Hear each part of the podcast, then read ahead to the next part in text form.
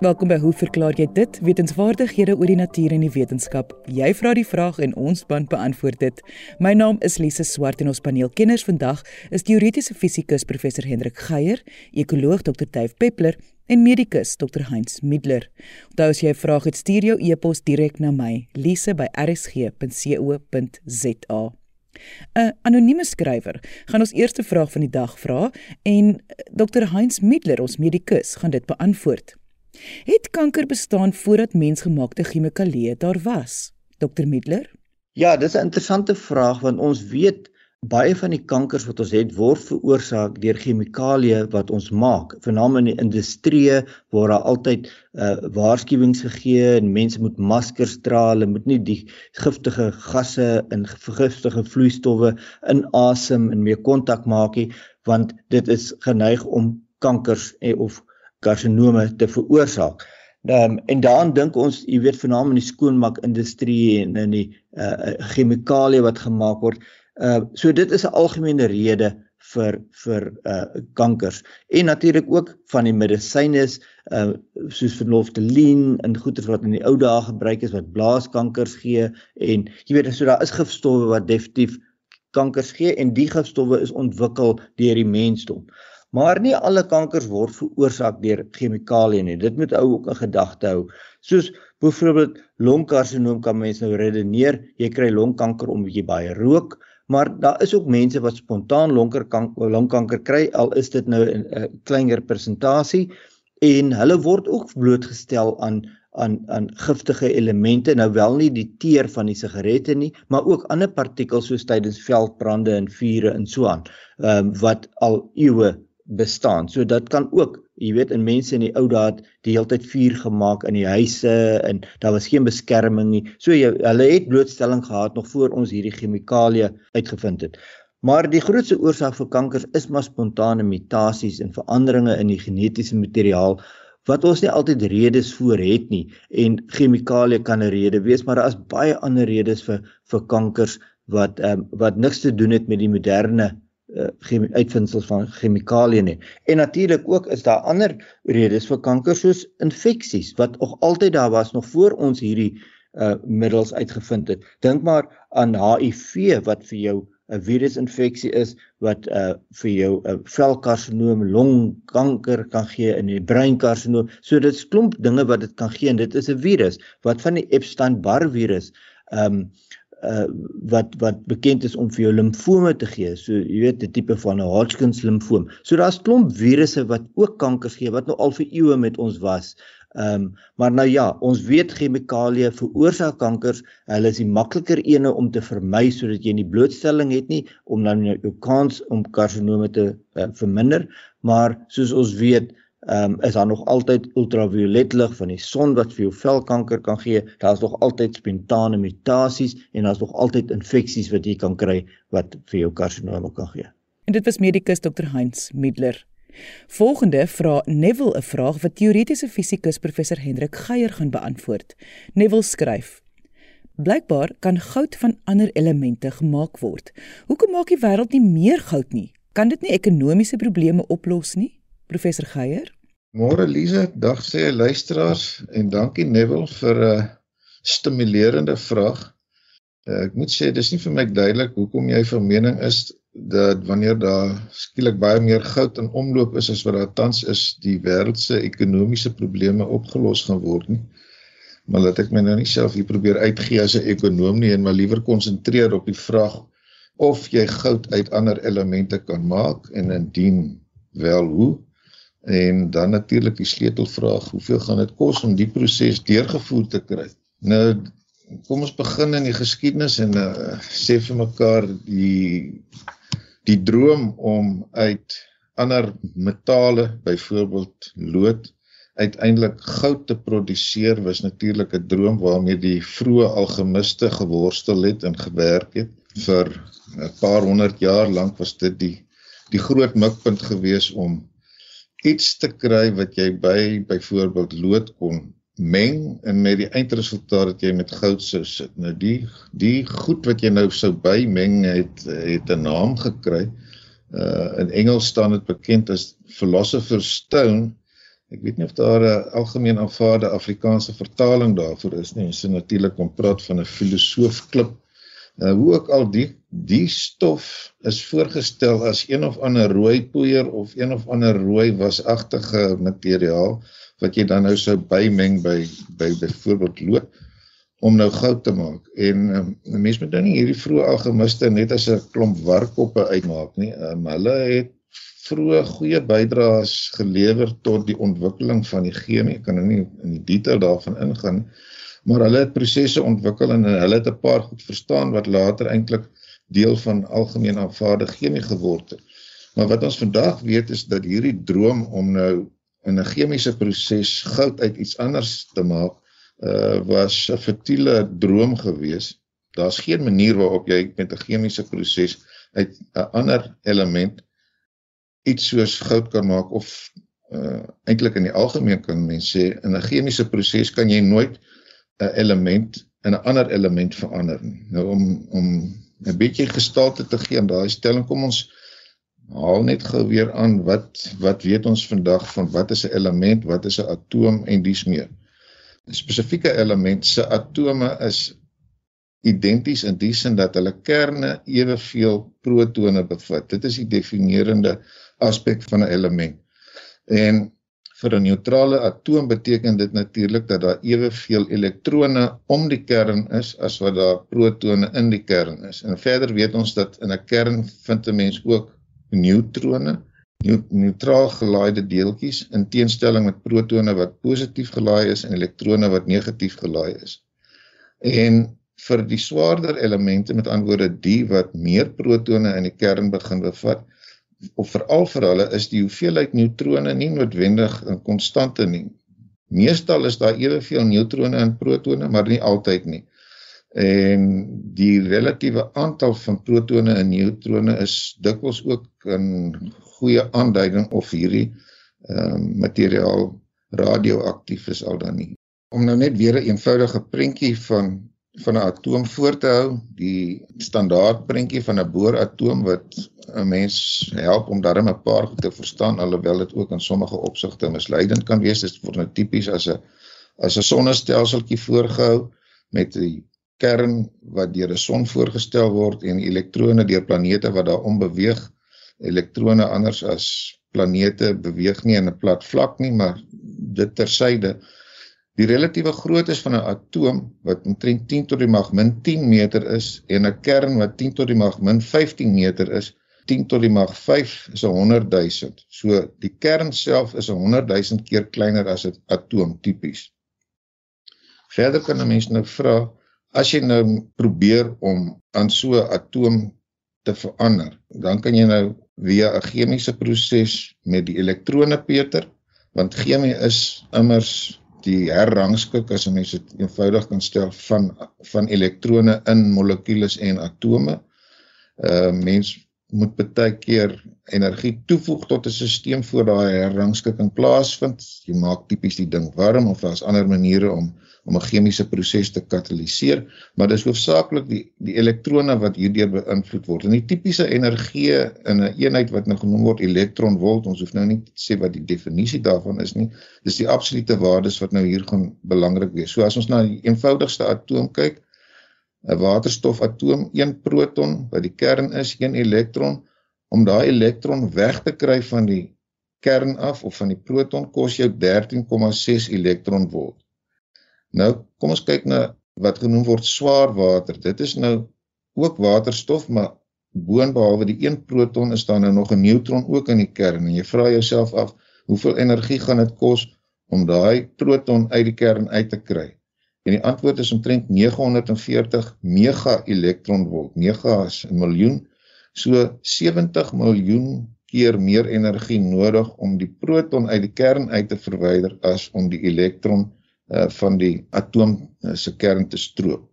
En hier begin 'n mens nou al agterkom hoekom die algemiste gefaal het. Hulle het gedink hulle kan net met die elektrone Peter en dan 'n ander element kry. Natuurlik het niemand op daai stadium geweet hoe dat elemente gedefinieer word of gekatalogiseer kan word deur eenvoudig die aantal protone in die kern te tel nie. Uh en hulle hoop is beskaam omdat hulle het gepeter met veranderinge in elektronenergie terwyl jy nodig het om die aantal protone in 'n kern te verander as jy een element in 'n ander een wil omsit. So is dit hoegenaamd moontlik? Ja, dit is nie onmoontlik nie. Nou moet jy van die orde grootte energie uh, in gedagte hou wat ter sprake is om 'n proton te verwyder of by te voeg tot by 'n uh, by 'n kern.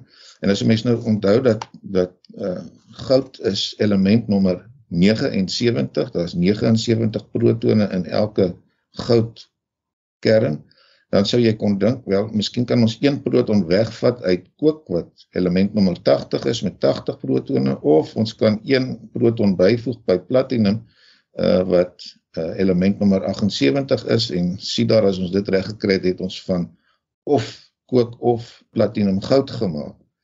Maar dit kan 'n mens net reg kry deur van van kernreaksies gebruik te maak en daarvoor het jy nou 'n kern uh, versneller nodig. Jy moet 'n uh, 'n uh, proton met genoeg energie inskiet in so 'n kern. Onthou die kern is positief as jy nou nog een proton wil nader bring is die spulletjie wat reeds daar sit nou nie baie genee om nog 'n positiewe lading te in ontvangs te neem nie. So jy moet baie energie insit om die ding daar ingeforseer te kry.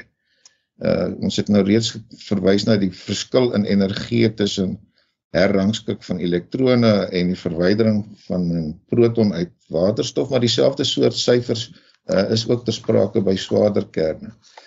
Die eerste eksperiment wat wel so iets reg gekry het, is in 1941. Mense met die vanne van Sher, Bainbridge en Anderson het uh neutrone na kook uh atome gevuur gekry om dit so te stel. Uh die neutrone het hulle ontstaan gehad in 'n reeks kernreaksies wat ons nou nie kan bespreek nie, uh waar jy uiteindelik vrye neutrone beskikbaar gehad het met genoeg energie uh om in die kern ingeforseer te kry.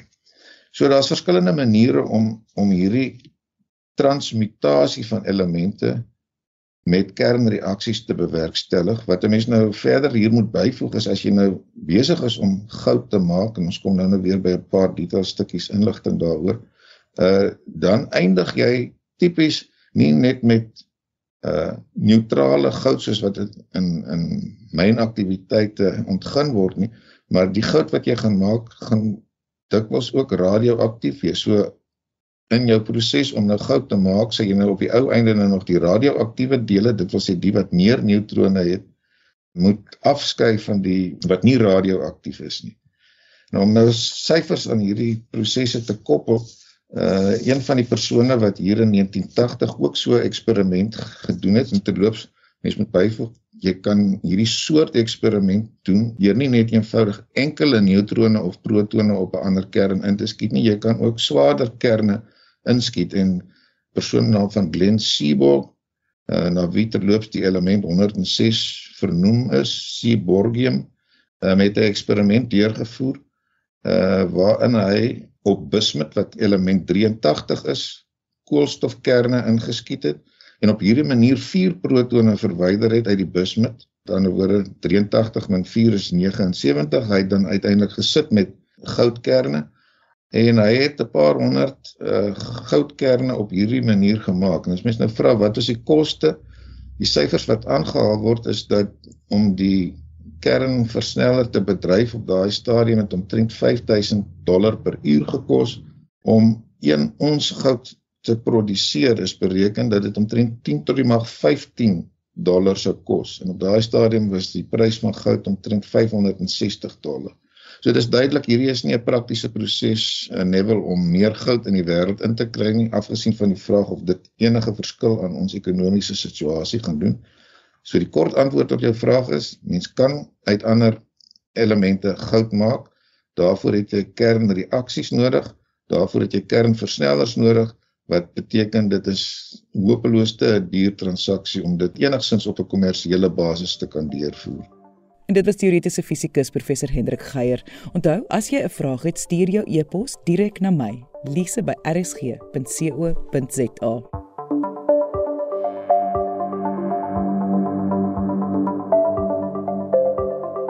Jy luister na Hoe verklaar jy dit? My naam is Lise Swart en ons gaste vandag is teoretiese fisikus professor Hendrik Geier, ekoloog Dr. Duif Peppler en medikus Dr. Heinz Middler. Jan Venter van Kreersdorp het 'n vraag wat ekoloog Dr. Dave Peppler gaan beantwoord. Jan skryf: Wanneer ek na perde en sekere voëls kyk, sien ek dikwels net een van hulle oë. Is dit dan skerp gefokus of net dofweg, soos in periferiële visie, terwyl daardie oog saam met die ander een binokulêr op 'n voorwerp voor die kop gefokus is? Dr. Peppler. Lise môre. Nou ja, ons praat van 'n oog hê vir iets en dit veronderstel jy 'n oog. Oë is dus die organe van die visuele stelsel. Ons het ons kan hoor, ons kan proe, ons kan aftas. Maar oë is uiters belangrik omdat dit ons ganse wêreld aftas. Dit voorsien die organisme met visie, die vermoë om detail te prosesseer maar baie belangrik ook natuurlik dan is daar gekoppelde gedragspatrone met ander woorde vlug beklei ensovoorts wat direk deur visie afgevuur word. Nou oorneem lig waar uiteraard en opskep omskep dit dan na elektrochemiese impulse deur neurone wat dan aan die brein toe gaan dink 'n bietjie daaraan hoe sien die brein ons weet eintlik nie jy weet as jy die ewige kwessie tussen ehm um, wat al vir eeue aangaan tussen die brein en die verstand. Hoe verbeeld dit is 'n absolute wonderbaarlike stelsel.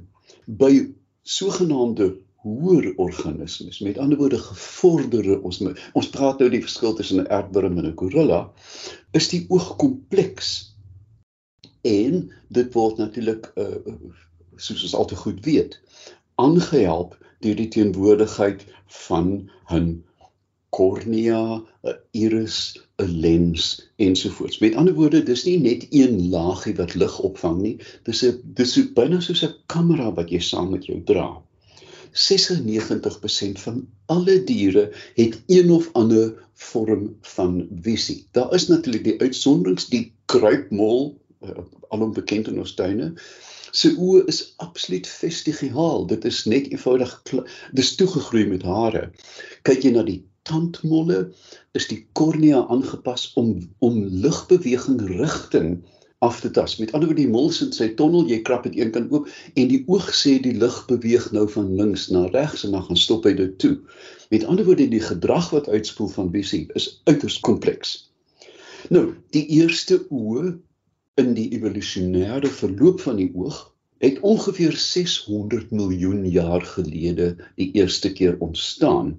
En vermoedelik, ons kan nie presies sê nie, was dit 'n sogenaamde putoog. Met ander woorde net eenvoudige 'n um, 'n klein uh, dammetjie, 'n gaatjie in die voorkant en die kopkant van die dier waar 'n ligsensitiewe sel ontwikkel het daar's 'n ewige geskarrel natuurlik binne die evolusie teenoor skepingsteorieë dat uh, gewoonlik sê mense die oog is so kompleks dat dit eenvoudig nie kon ontwikkel nie. Dis natuurlik absoluut dit is nie waar nie.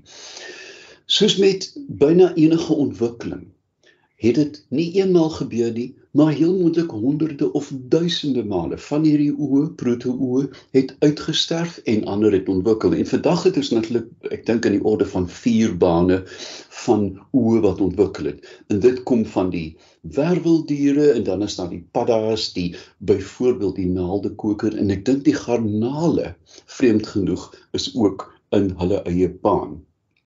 Nou, meeste oë het 'n retina met kegeltjies daarin, klein selletjies wat bekend staan as kegelselle wat kleur onderskei en staafselle wat swart en wit en beweging ehm um, kan waarneem. Hierdie komplekse oë het ehm um, is gewoonlik gehul in 'n jelly dit is lyk byna soos jelly wat jy eet, het 'n iris voor wat oop en toe kan maak om die lig intensiteit te reguleer. Met ander woorde, as jy naby aan die son kyk, word die pupil klein en 'n lens en dan agter in die oog die retina. Daar is as 'n mens die oë morfologies beskou, is daar byna 10 soorte oë van die eenvoudige put na 'n komplekse oog soos die van die garnaal of die naaldekoker. Um, ek het reeds gepraat oor die evolusionêre ontwikkeling wat nie net eenmal ontwikkel het nie, maar vele male. Ons kan nie sê hoeveel nie, maar ons weet dat dit uh, verskyn het, verdwyn het, verskyn het en sommige van hierdie verskynings het deurgehou en gelei na kompleksiteit. Ek dink um, en ander wetenskaplikes ook dat 'n roofdier, 'n predator, het heel moontlik die eerste oog ontwikkel om die beweging van sy prooi waar te neem. Waar is die ding wat ek wil eet? Dit gaan saam met gehoor en vibrasie en reuk natuurlik. En dan gebeur 'n klassieke gebeurtenis in alle evolusionêre druk, die van 'n wapenwedloop. Nou het die prooi o hemel sê die prooi hierdie ding eet my op en dis dalk 'n goeie idee as ek die koms van die prooi kan kan gewaar en daar het die druk op die ontwikkeling van 'n oog by die prooi ook begin. Hierdie is 'n uiters komplekse veld as jy kyk na die fisiologie en die argitektuur van die oog en ek dink eendag kan ons dalk vir Dr. Midler vra om te praat oor die menslike oog se beperkings en ook die glorie van die menslike oog. Maar nou kom ons by die die vraag van Jan Venter, hoe sien diere? Ons weet nie want ons kan hulle uiteraard nie vra nie, maar ons kan afleidings maak uit die morfologie en ook die argitektuur van die oog. Byna alle diere kan sien, van naalekokers tot diere op die hemel weet byna 30000 meter onder die see. Hulle lewe in absolute donkerte, maar hier kom dan biolumine nou moet ek vashou wat is bioluminescence in Afrikaans? Bioskyning luminisering ek weet nie. Maar in elk geval klein diertjies onder in die see het dan ligorgaantjies waarmee hulle 'n klein gebied om hulle kan belig en dan beweeg hulle prooi sien. Van die uh, prooi het natuurlik ook 'n ligspel wat so vinnig flits en en uh, byna golfpatrone vorm dat dit die predator kan verwar. Ons dink aan die sebra met sy strepe. Nou ja, die mens natuurlik het 'n komplekse oog en 'n gevorderde oog met 120 miljoen stafies. Met ander woorde, ons kan beweging baie goed uh, sien as ook in die orde van 6 miljoen kegels um, wat in drie klasse voorkom. Met ander woorde, die kegels wat rooi, groen en blou sien wat dan die spektrum volledig, die sigbare spektrum kan uitpak. Um maar skoenlappers en bidsprinkaan garnale. Dit is daai klein vreemde garnale, predatoriese garnale wat deur hulle knuipers ultrasoniese klank uh, veroorsaak wat hulle prooi kan verlam. Maar hulle het van die mees komplekse oë op aarde. En hulle hulle oë staan bekend as hiperspektrale visie. Nou Die groot skeiding in die plasing van die oog op die kop wat men nou by die vraag uitkom, het in 'n groot mate te maak met prooi of predator wees. En mens kan 'n baie breë indeling maak. As jy prooi is, sit jou oë aan die kant van jou kop sodat jy 'n maksimum veld kan dek om te sien waar die uh, predator vandaan kom. Die predator het binokulêre visie soos die uil, die mens wat stip kan kyk na die prooi die die afstand en met ander woorde die die dieptebepaling kan maak om so 'n akkurate aanval te kan beplan. Nou ja, In die breë dink ek is dit die antwoord aan Jan. Die oë aan die kant is die van 'n prooi, die oë na voor is die van 'n predator. Hierdie antwoord volg dus 'n baie breë benadering en natuurlik sal daar altyd uitsonderings wees. Hierby kom natuurlik ook gedrag as mens kyk na ooguitdrukking. kyk net aan die nes, as jy kwaad is vir iemand, is dit skreef is oë. As jy verlam is van liefde, is die pupil pupille natuurlik baie groot en jy maak groot oogies vir iemand. Nou ja, daarvan gepraat. Volgende keer as jy oogies maak, onthou asseblief agter hierdie aanvaarde gedrag lê 'n ongelooflike kompleksiteit en die wonder van die oog. Dit was ekoloog Dr Dave Peppler. Onthou, as jy 'n vraag het, stuur jou e-pos direk na my, lise@rsg.co.za. Ek sê baie dankie aan ons kenners en vraagstellers vandag. Onthou om altyd nuuskierig te bly en vra te vra. Tot volgende week hier op RSG saam met my, Lise Swart. Totsiens.